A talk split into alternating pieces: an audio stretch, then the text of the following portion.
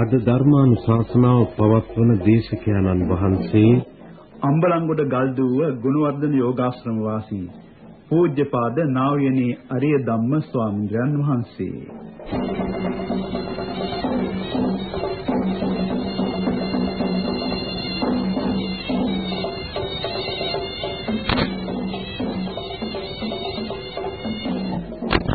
මේ මෛත්‍රිය දියුණු කරගන්නේ කොහොමද කියන එක ඉතා වැදගත් කාරණයක්. දැන් අපේ මේ අනුපිළිවෙලින් යන භාවනා මාර්ගයෙහි මෛත්‍රී භාවනාව දෙන්නේ හතරවෙනි පියවරටයි.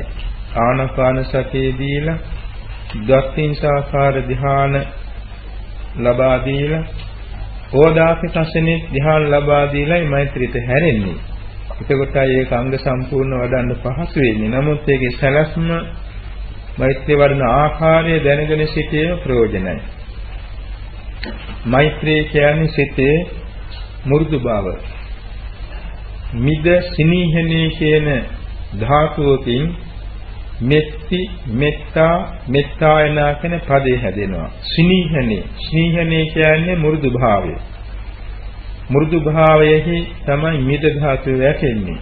එයින් හැදෙන පදේ මෙත්ති, මෙත්තා, මෙත්තා යනා කියන පද හැදෙනවා. එතකොට එය ස්වභාවය හඳුන්වන්න තියෙන්නේ මාසා යථා නියම් පුත්තං ආයුෂා ඒක පුත්ත මනුරාක්කේ කියන පදයට අනුව මෞපියන්ගේ හදසංතානෙහි සුවකීය දරුවන් ගැන තියෙනවා දියුණුව කැමැති බව. දරුවෙකු කුස පිරිසිදුගත දාසේ පටන් මේ දෙමෝපියන් හිතේ පුදුමාකාර මෛත්‍රියක් පහළ වෙනවා. මේ දරුවා නිරුපද්‍රුතව මනුලව පහළ වේවා. එවාගේ මේ දරුවා ආයුෂයෙන් වර්ණයෙන් සැපයෙන් බලයෙන් ඥානයෙන් ගුණයෙන් ධනයෙන් ධාන්‍යයෙන් යසයිශ්වර්යයෙන් සෑම දෙයකින්ම දියුණුවටපත් වෙන වාසනාවන්ත පුණ්‍යවන්ත දරුවෙක් වේවා කියන දහසක් සිටිවිලි දෙමෝපියන් හිතේ ඇති වෙනවා. අන්නේ වාගේ අන් සීලුම සත්‍යයන් කෙරෙහි හිතසුව පැතීම තමයි මෛත්‍රිය. ඒ මෛත්‍රියට ඉර්ධියම ප්‍රතිපක්ෂ ධර්මය ද්වේෂය. මෛත්‍රියට රහසින් එන සතුරා රාගය. ඔය දෙක තේරුම් ගන්නට ඕනේ. රාගය, ලෝභය මෛත්‍රියට රිංගනවා. මෛත්‍රිය වගේ මුහුණු වරින් එන්න පුළුවන්. එතකොට මේ දෙක තේරුම් ගන්නට ඕනේ. ඊළඟ මෛත්‍රිය දියුණුවටපත් කරගන්නේ මෙහෙමයි. දැන් විසුද්ධි මාර්ගය, පටිසම්භිදා මග්ග පාළිය, විභංග පාළි ආදී තැන්වල බොහෝම සවිස්තරව මෛත්‍රී දේශනාව විස්තර කරනවා. මෛත්‍රී වඩන්න ඕන අනුපිළිවෙලක් තියෙනවා. අත්තනි හිත මජ්ජත්තේ අහිතේත චතුබ්බිදේ සමම් පරිතිමෙච්ඡාය සබ්බාවන්ත සදේවක. එතකොට තමාය හිතවතාය මදහතාය අහිතවතාය කියන ක්‍රම හතරක් තියෙනවා. අනුපිළිවෙලක්. මෙතන හිතවතා කියන්නේ ගරු කටයුතු හිතවන්තේ දරුවන්ට දෙමව්පියෝ ශිෂ්‍යයන්ට ගුරුවරු. ඔය වාගේ Taman උපකාර කළ ස්වභාවයෙන්ම හිත මු르දු වෙන හිතුව පමණින්ම ඒ සම්බන්ධ හිත මු르දු වෙන කෙනෙක් වන ඉස්සර ඉස්සලා ගන්න. Tamante මේ කරගන්නේ තමා මෙන් කියලා සාක්ෂි පිණිසයි. Tamante මේ කිරීමෙන් ධ්‍යානයක් ලැබෙන්නේ තමාහා සමානව අනි අයටත් මෛත්‍රී පිහිටාවා කියා ගන්නයි Tamanta මෛත්‍රී කරන්නේ. ඉස්තර වෙලා අපි දැන් අර වගේ සීලය පිරිසිදු කරගෙන වාඩි වෙලා සුවසේ වාඩි වෙලා අර පූර්ව කෘත්‍ය සම්පාදනය කරගෙන තමන්න තමන් මෛත්‍රී කරගන්නවා. පාලි භාෂාව දන්න කෙනෙක් නම් අහං අවේරෝ හෝමි අභ්‍යාපජ්ජෝ හෝමි අනීගෝ හෝමි සුඛී යත්තානම් පරිහරාමි කියන එක හත් අට සැරයක් Tamande හිතින් කියා ගන්නවා. ඒකේ සිංහල තේරුම මම වෛර නොවේමි මම තරහ නොවේමි මම නිදුක් නිරෝගී වෙමි මම සුවපත් වෙමි කියන තේරුමයි. හැබැයි ජීවත් වෙන කෙනෙක් ඕන මෛත්‍රියට අරමුණු කරගන්න. මව්පියන් අතර කෙනෙක් මිය පරලොව ගිහිල්ලා නම් ඒ අරමුණ ගන්නෙ නැහැ.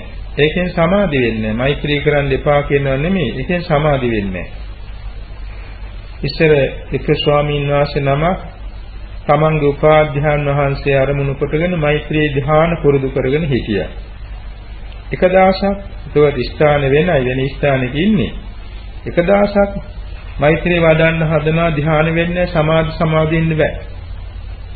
පස්සේ වෙන ගුරුවරයෙකුට කිව්වා මගේ ගාශාත් උපාධ්‍යාන වාසයේගේ අරමුණු කරන මම මෛත්‍රී ධ්‍යාන ලබානේ හිටියා මට දැන් ඒක පිළිහිටන්නේ නෑනේ. පස්සේ මේ කිව්වා බලන්න උන්වහන්සේගේ ජීවත් වෙනවද නැද්ද කියලා. බැලුවා අපවත් වෙලා. අර ධ්‍යාලාභියාගේ වුණ සමාධියේ සමාධි වෙන්නේ ජීවත් නැති කෙනෙක් අරමුණු කළොත්. ඒකයි ජීවත් වෙන්න කෙනෙක් ගන්න. දැන් අපි හිතමු තමන්ගේ මව්පිය දෙන්න ජීවත් වෙ ඉන්නවා. ඉතින් මව්පිය දෙන්නගෙන් වඩාත්ම තමන් වෙනුවෙන් දුක් විඳලා තියෙන අනුග්‍රහ කරලා තියෙන මව. ඉතින් ඒ දෙන්න සමාන සීලවන්ත වුණත් මව වැඩියෙන් දරුවන් කෙරෙහි කැප වෙලා තියෙන නිසා මව ඉස්සරහට හිතින් ගන්නවා. ඉස්සරහට හිතින් අරගෙන බොහෝම සතුටු මුහුණින් ඉන්න බව හිතින් අරමුණු කරලා දැන් මේ මෑණියෝ නැත්තම් අම්මා වෛර නොවේවා වෛර නොවේවා වෛර නොවේවා එක වචනයක් අරගෙන බොහෝ වේලාවක් ඒකේ හිතින් ආවර්ජනා කරන්න ඕන. අර ආනාපාන ධානාදී ලබාන හිතේ කෙනෙකුට ඉක්මනින්ම සමාධිය ලැබෙනවා. එහෙම නැත්නම් ඉතින් බොහෝ වෙලාවක් හිතින් ඒක අරමුණු කරන්න ඕනේ. අපි ඒක සමාධි ලැබෙන හැටි ගැන සලකා බැලුවොත් දැන් වෛර නොවේවා වෛර නොවේවා කියන වචනය 10000 වරක් හිතෙන් ආවර්ජනා කරනකොට මේ මෑණියන්ගේ මුහුණ හොඳට අපට දැర్శණය වෙන්න පුළුවන්. එසේ දැర్శණය වුණත් නුනත් මේ මව කෙරෙහි තමන්ගේ හිතේ මෛත්‍රිය පිහිටලා එකපාරටම හිත ධාන බාටපත් වෙනවා. ඒ මෞතුමිය කෙරෙහි අර වචනය අරමුණු කරගෙන ඒ අරමුණෙහි හිත කඩින් කිඳා බහිනවා වගේ සමාධි වෙනවා. මේ සමාධියේ පුරුදු කෙනෙකුට ඒක ඉතින් වශී කරගන්න ලේසියි. ඒක විතක් වේචාර පීති සුඛ ඒකාග්‍රතාව සහිත පළවෙනි ධ්‍යානය. ඒක හොඳට ප්‍රගුණ කරගෙන ඊට පස්සේ විතර්ක විචාර දෙකේ ආදීනව සලකලා ප්‍රීති සුඛ ඒකාග්‍රතාව සහිත ද්විතිය ධ්‍යාන සමාධියෙන් කියලා අයමත් ඒ වචනේම ගන්නවා. ඒ වචනේම අරගෙන මෞතුමීට මෛත්‍රී කරනකොට දෙවෙනි ධ්‍යානෙ ලැබෙනවා. ඒකත් වශී කර ගන්නවා. ඊළඟට එහි තියෙන ප්‍රීතිය ආදීන වශයෙන් සලකලා සුඛ ඒකාග්‍රතාව සහිත ဒုတိ ය ධ්‍යානෙ ලැබෙන්න අදිෂ්ඨාන කරගෙන අයමත් ඒ වචනේම ගන්නවා. එතකොට තුන්වෙනි ධ්‍යානයක් ලැබුණා මේක වශී කර ගන්නවා. ඊළඟට දෙවෙනි වචනේ ගන්නවා. මේ අම්මා තරහ නොවේවා තරහ නොවේවා කියන වචනේ. ඒකනොත් අර වගේ පළවෙනි දෙවෙනි තුන්වෙනි ධ්‍යාන දක්වාම යනවා. ඊළඟට තුන්වෙනි වචනේ ගන්නවා. නිදුක් නිරෝගී වේවා. ඒකනොත් ධ්‍යාන තුනක් දක්වා යනවා. ඊළඟට සෝපත් වේවා කියන හතරවෙනි වචනේ ගන්නවා. ඒ වචනින්ද ධ්‍යාන තුනක් ලබනවා. ඒතකොට තමන්ගේ මෞතුමිය අරමුණු කරගෙනම වචන හතරට ධ්‍යාන තුන තුන බැගින් 12 වාරයක් සමාපත් සමාධි ලැබුවා. ඊළඟට පියාණන් වහන්සේ ජීවත් වෙ ඉන්නවා නම් එතුමාට අරමුණු කරගත් ඒ 12 වාරයක් ධ්‍යාන වඩනවා. ඊළඟට තමන්ගේ ගුරුවරයා ඉන්නවා නම් ඒත් එහෙමයි. තමන්ගේ වැඩිමහල් සහෝදරයෙක් සහෝදරියක් එවාගේම සුළු පියෙක් වැයි මහ පියෙක් සුළු මවක් මහ මවක් වැනි තමන්ගේ හිතයිසී අය ඉන්නවනේ ජීවත් අතර ඉන්නවා නම් ඒ අත්ව ගන්න එක එක්කෙනා. එතකොට තමන්ගේ මුල් ගුරුවරයා දෙවෙනි ගුරුවරයා එහෙම නැත්නම් තමන්ට ධර්මීය උගන්වපු ගුරුවරයා එහෙම නැත්නම් තමන් විතර උපදෙස් ලබන ස්වාමින් වහන්සේ ඔය වාගේ සම්භාවනීය කෙනෙක් ඒ එක්කිනා එක්කන අරගෙන 10 දිනකට විතර වෙන වෙනම ධ්‍යාන වඩනවා. වඩලා 10 දෙනාම එක්කාසු කරන්න ඕනේ ඊට පස්සේ. 10 දෙනාම එක සමූහයක් අරගෙන මේ මගේ කල්යාණ මිත්‍රයෝ කියලා අර වගේම ධ්‍යාන 12ක් වඩනවා. දැන් එතකොට හිත මිතුරන් කෙරේ පහසුවෙන් පුළුවන් වුණාම තමයි මධ්‍යස්ථ කෙනෙක් ගන්නවා. Taman උපකාර කරලත් නැහැ, අමනාප වෙලත් නැහැ. වෙන මධ්‍යස්ථ එක්කෙනෙක් අරගෙන ඒ සමා වෙනුවෙන් අර වගේ එක එක වචනෙන් ධ්‍යාන තුනක් තුනක් බැගින් වඩනවා. එහෙම එක එකන අරගෙන 10 දිනක් විතර වෙන වෙනම ඒ මෛත්‍රී ධ්‍යාන වඩලා මධ්‍යස්ථායට 10 දිනා එක්කාසු කරනවා. ඊළඟට ගන්නවා අහිතවන්තේ. Tamanට අහිතවන්ත විපක්ෂ අමනාප පුජ්‍යලයක් ඉන්නවා නම් එයාටත් ඉතින් ඉස්සරහට අරගෙන එයාටත් අර වගේ එක එක වචනෙන් ධ්‍යාන වඩනවා.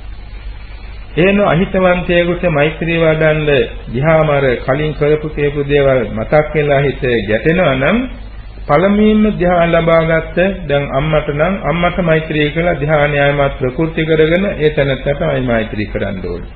එහෙම 10 12 හැරයක් හරි කරලා කරලම අවිතවන්ත පුජ්‍යලයා කෙරෙහි ධ්‍යාන උපදවන්නට ඕනේ. යහිතවන්ත පුජ්‍යලෝ කී දෙනෙක්ද එක එකනාට වෙන වෙනම සමාදින්න ඕනේ. ධ්‍යාන වඩන්න ඕනේ. දැන් එතකොට පුජ්‍යල භේදේ අවසන් කරා. හිතවතාටත් මදහතාටත් අහිතවතාටත් එක හා සමානව මෛත්‍රිය පවත්වන්න පුළුවන් වුණා. ඒකට කියනවා සීමා සම්භේදය කියලා. සීමා සම්භේදය කියන්නේ ඉම් කැඩුවා. ඉම ඉමක් නෑ දැන්. හැම දිනාටම සාධාරණව මෛත්‍රිය පවත්වන්න පුළුවන් වුණා. ඊට පස්සේ මේ දැන් Taman ඉන්න නිවසක් නම් දැන් මේ විහාරස්ථානයේ නම් මේ විහාරස්ථානයේ හරි මේ නිවස හරි මේ Tamanගේ හිත ඉහළට අරගෙන මේ විහාරස්ථානයේ සීල සත්‍යෝ කියලා එක කොට්ටාසයකට සත්ව කොට්ටාස එකකට අර වගේ වචන හතරට ධ්‍යාන 12 12 වඩනවා. ඊළඟ සීල ප්‍රාණීහු. එතකොට මේ නිවසේ නැත්නම් මේ විහාරයේ සීල ප්‍රාණීහු. එයත් අන්නත් 12 වරයි. සීල භූතයෝ, සීල පුජ්‍යලයෝ, සීල ආත්භාවයත්තු, සීල ස්ත්‍රීහු, සීල පුරුෂයෝ, සීල ආර්යෝ, සීල අනාර්යෝ, සීල දෙවියෝ, සීල මිනිස්යෝ සීළු විනිපාතිකයෝ කියලා කොට්ටාස 12ක් තියෙනවා. අර වාගේම එක එක කොට්ටාසෙට මෛත්‍රී ධ්‍යාන 12 12 වඩනවා. හැබැයි ඉතින් මේක අර දැන් මෙහෙම ගණන් කිව්වට වේග වේගෙන් කරන්න පුළුවන් වුණා හිත පුරුදුනෙන් පස්සේ බොහොම ඉක්මනින් පුළුවන් වෙනවා. ඊට පස්සේ Taman ඉන්න ගම්මානේ ගන්නවා. ඊට පස්සේ Taman ඉන්න නගර ප්‍රදේශ ගන්න. හැබැයි ඒවා මේ ඒ ස්ථාන පැතිරෙන්න පැතිරෙන්න හිත තව ඉහළට යනවා. ඉහළට ගිහින් ඉහළ ඉඳලා බලන්න තමයි මේ කරන්නේ. හරියට වර්ෂාපතනයක් වැටෙනවා වාගේ. ඊළඟට තමන් ඉන්න රටේ ඊළඟට තමන් ඉන්න ලෝකේ. ලෝකේ කිව්වහම දැන් මනුෂ්‍ය ලෝක, සතර ආපාය, දිව්‍ය ලෝක, බ්‍රහ්ම ලෝක, අරූප රූප ලෝක, අරූප ලෝක ඔක්කොටම වඩන්න වෙනවා. එතකොට හිත දන්නේම නැතුව ඉහළට ඉහළට ගිහලා තමයි බලාන ඉන්නේ. බලාන මේක දිහා බලාන ලෝකයේ අර වගේ සත්ත්ව කොටාස 12ට 12ට 12 12 ආකාරයෙන් ධ්‍යාන වඩනවා. ඊට පස්සේ දස දිශාවෙන් එක දිශාවකට ගන්නවා. දැන් තමන් ඉන්නේ නැගරණ දිශා බලාගෙන නම් නැගරණ දිශාවේ තමන් ඉහළ ඉඳගෙන නැගරණ දිශාවට සත්ත්ව කොටාස 12ට අර වගේම 12 12 සමාපatti ධ්‍යාන සමාදිනවා. ඊළඟට දකුණට උතුරු බටහිරට උතුරට අනු දිශා හතරට වෙන වෙනම යට දිශාවට උඩ දිශාවට දැන් මෙහෙම ඒ මෛත්‍රී ධ්‍යාන වැඩියෙන් පස්සේ පුජ්‍යලයාගේ සිත හැපිටින් බ්‍රහ්ම ලෝකේ ඉන්න වගේ තමයි. ඒ සිත බොහෝම කර්මන්නේ බොහෝම පිරිසුදුයි බොහෝම සෞම්‍යයි. ඉතින් එයාටගේ හිතේ තියෙන මෛත්‍රී බලය ලෝකෙට විහිදුලා ගියා වෙනවා. ඉතින් ওই මෛත්‍රිය ඔච්චර ඈතට පවත්වන්න පුළුවන් වෙනවා ආලෝකයේ සසිනාලෝකයේ හොඳින් තියෙන කෙනෙකුට. ඊට ඉස්සෙල්ලා කරනකොට ටිකක් ඉතින් අඩුපාඩුකම් දැනෙනවා. නමුත් ධ්‍යාන වඩන්න පුළුවන්. මෙන්න මේ සලස්ම තමයි මෛත්‍රී ධ්‍යාන වැඩිීමේ පිළිවෙත. ඉතින් ධ්‍යාන වැඩිම හැම දිනාටම හැමදාම පහසුවෙන් කරන්න පුළුවන් කියලා අපි කියන්නේ. නමුත් මේකේ සලස්ම මෙහෙමයි. ඊළඟට දැන් අපි දැන් මෛත්‍රී කර්මස්ථානය අපි ඉස්සෙල්ලා කියවනේ අර ගිනි නිවෙන්නත් එකනේ. ඒ වගේ මෛත්‍රී කර්මස්ථානයේ pāli බසින් හරි සිංහල බසින් හරි Taman දන්න වචන වලින් භාවිතා කිරීම ඒකට කියනවා කර්මස්ථානයේ භාවිතා කිරීම. ඒකත් කුසල්. ඒකෙන කුසල් අප්‍රමාණ සිද්ධ වෙනවා. ඒක අර උසස්ම කුසල් බාටපත් වෙන්නේ ධ්‍යානපත් තත්වයට වැඩුවාමයි. යන්නේ ඒක නිසා කරණීය සූත්‍රයේ කියවනේ මෙත්තංච සම්බ ලෝකස්මින් මාන සම්භාවයේ අපරිමාණං උද්ධං අධෝච තිරියංච අසම්බාධං අවේරං අසපත්තං. අන්න ඒක. දැන් මේ විදිහට මෛත්‍රී ධ්‍යාන ඔකට කියන මෛත්‍රී චේතෝ සමාපatti කියලා. චේතෝ විමුක්ති කියලා. මෛත්‍රී චේතෝ විමුක්ති. ඔය මත්තම දිනු කරගත්ත පුද්ගලයාට විශේෂානිසංස 11ක් ලැබෙනවා. මොනවද? සුඛං සුපති සැපෙන් මිදෙනවා.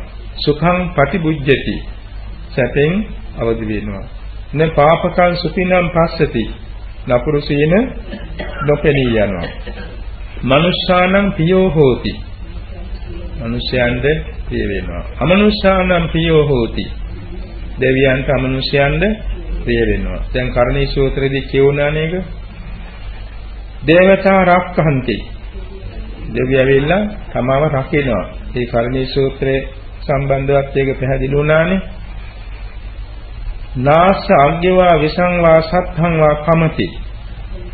ගින්නක් හරි අවියාවුද හරි වසවිස හරි ශරීරගත වන්නේ නැහැ.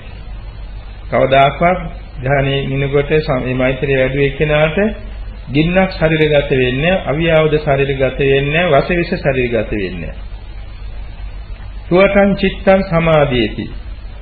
වහවහ හිත සමාධිය වෙනවා. කිසි පමාවක් නැතුව හිත සමාධිය වෙනවා. හිත සෞම්‍යයිනේ. මුඛවන්නෝ විප්පසේදති. මුන්නේ වර්ණේ බොහෝසෙන් ප්‍රසන්න වෙනවා. අසම්මූලෝ කාලං කරෝති. මරණාසන්න මොහොතේදී හොඳ සිහිනුවණින් ගත වෙනවා. උත්තරින් අපපති විඥන්තු අරිහත්ත්වයටපත් නුනොත් බ්‍රහ්ම ලෝකූපගෝ හෝති බඹලව උපදිනවා අපේ බුදුරජාණන් වහන්සේ බෝධිසත්ව කාලේ තාපස කෙනෙක්ව ආත්ම භාවයකදී අවුරුදු 7ක් මෛත්‍රී ධ්‍යාන වැඩුවා.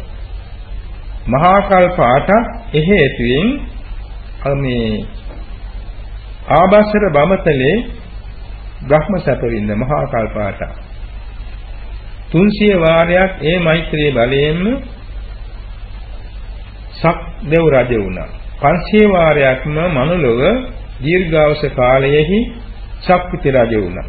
තා ප්‍රදේශ ශාන්ති සම්පත් ආදී ලැබුවා අප්‍රමාණයි. ওই විදිහට උන්වහන්සේගේ බෝධිසත්ව චරිතයක් තියෙනවා. සරුවත් මහ රහතන් වහන්සේත් එහෙම. අරක කියලා තාපස කෙනෙක්ව අත්වරුද්දක් මෛත්‍රී ධ්‍යාන වැඩුවා. මහා කල්පතක් ආබස්සර බමතලේ ධ්‍යාන සැපවින්න ඊට පස්සේ අර වගේම වාර 300ක් සක්දෙව් රජ වුණා වාර 500ක් සක්විති රජ වුණා ඒකාර ධර්මද්වජ පඬිත ජාතක දේශනා කාලයේදී සත්‍යපාණී කියලා කවු මහත්යෙක් එතුමාට ජාතිස්මරණ ඥානය ලැබිලා එතුමා අදිෂ්ඨාන කරගත්තා නිවන් දකිනතුරු මගේ සිතේ තරහක් ඇති නොවේවා කියලා. ඉතින් උන්වහන්සේමයි සරියොත් මහ රහතන් වහන්සේ රහත් වෙනතුරු තරහ නැහැ. බොහෝම හිත පිරිසුදුයි.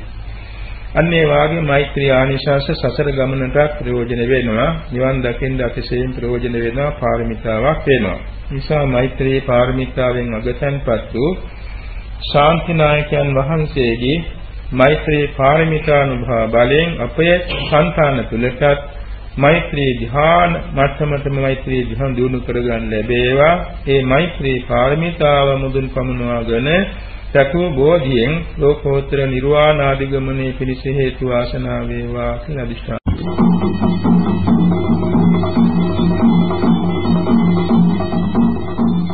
ධර්මානුශාසනාව පැවැත් වූ අද දේශකයන්න් වහන්සේ අම්බලන්ගොඩ ගල්දුව ගුණවර්ධන යෝගාශ්‍රම වාසී පූජ්‍යපාද නා වූ යනි අරිය ධම්ම ස්වාමීන් වහන්සේ.